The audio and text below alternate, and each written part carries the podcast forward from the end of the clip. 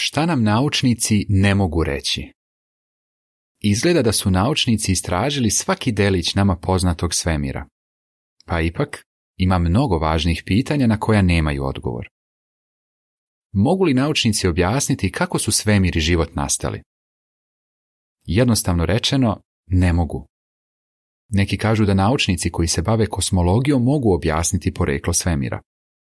Međutim, Marcelo Gleiser Profesor astronomije na Univerzitetu Dartmouth, koji je inače agnostik, kaže Ne može se reći da smo objasnili poreklo svemira. Kada je reč o poreklu života, nešto slično je pisalo u jednom članku u časopisu Science News. Skoro je nemoguće utvrditi kako je život na Zemlji u stvari počeo. Većina geoloških dokaza koji bi mogli posvedočiti o samim počecima naše planete odavno su nestali. Na osnovu ovih izjava možemo zaključiti da nauka još uvijek nije odgovorila na pitanje kako su svemir i život nastali. Ali možda se pitate, ako život na zemlji nije nastao slučajno, ko onda stoji iza toga? Možda vas muče i sljedeća pitanja. Ako mudar i brižan stvoritelj postoji, zašto onda dozvoljava da ljudi toliko pate? Zašto je dozvolio da ima toliko religija? zašto je dozvolio da oni koji tvrde da veruju u njega čine tolika zlodela? Nauka nam ne može pružiti odgovore na ova pitanja. Ali da li to onda znači da se odgovori ne mogu pronaći? Mnogi ljudi su logične odgovore na svoja pitanja pronašli u Svetom pismu. Ako želite da saznate zašto neki naučnici koji su proučavali Sveto pismo kažu da veruju u stvoritelja, posjetite website jw.org. U polje za pretragu ukucajte poreklo života. Nauka i sveto pismo su im pružili odgovore. Georgi Koidan, hemičar. Moj rad često podrazumeva kombinovanje različitih molekula. To je kao da igrate šah. Morate da planirate nekoliko poteza unapred.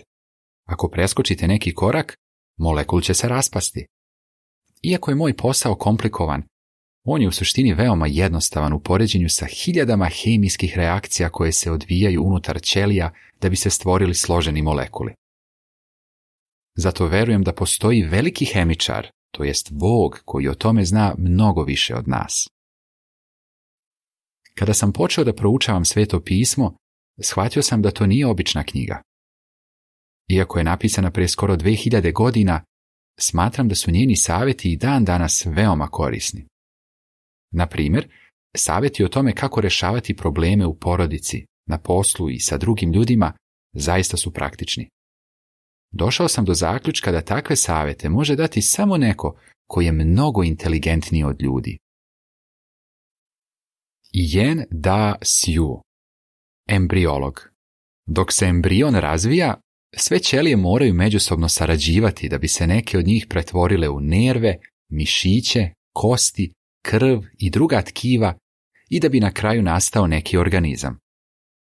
Mehanizam koji reguliše razvoj embriona je van našeg poimanja. Prema mom shvatanju, život potiče od inteligentnog stvoritelja. Čini mi se da je način na koji sveto pismo u psalmu 139, 15 i 16 opisuje razvoj embriona u materici veoma sličan onome što su naučnici otkrili tokom proteklih decenija. Kako bi tako tačan opis mogao biti zabeležen pre toliko vekova, ako ga piscu nije otkrio stvoritelj? Pogledajte video Rosio Picado Herrero. Profesorka hemije govori o svojoj veri.